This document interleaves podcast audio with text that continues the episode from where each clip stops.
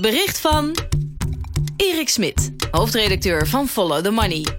Tijdens een etentje dat ik met drie neven had, ging het gesprek op een zeker moment over ons economisch systeem. Ik ben een echte kapitalist, zei mijn neef, die begin jaren 80 van de vorige eeuw op zijn twintigste naar Canada emigreerde en daar een onderneming begon. Hij ontwerpt en maakt juwelen voor klanten die voornamelijk in zeer goede doen zijn. Het vrije ondernemerschap spreekt hem nog steeds aan.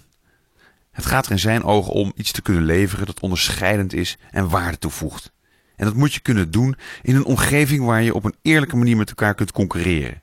De beste zullen dan naar boven komen drijven. Zelf denk ik er net zo over. Ik houd van competitie.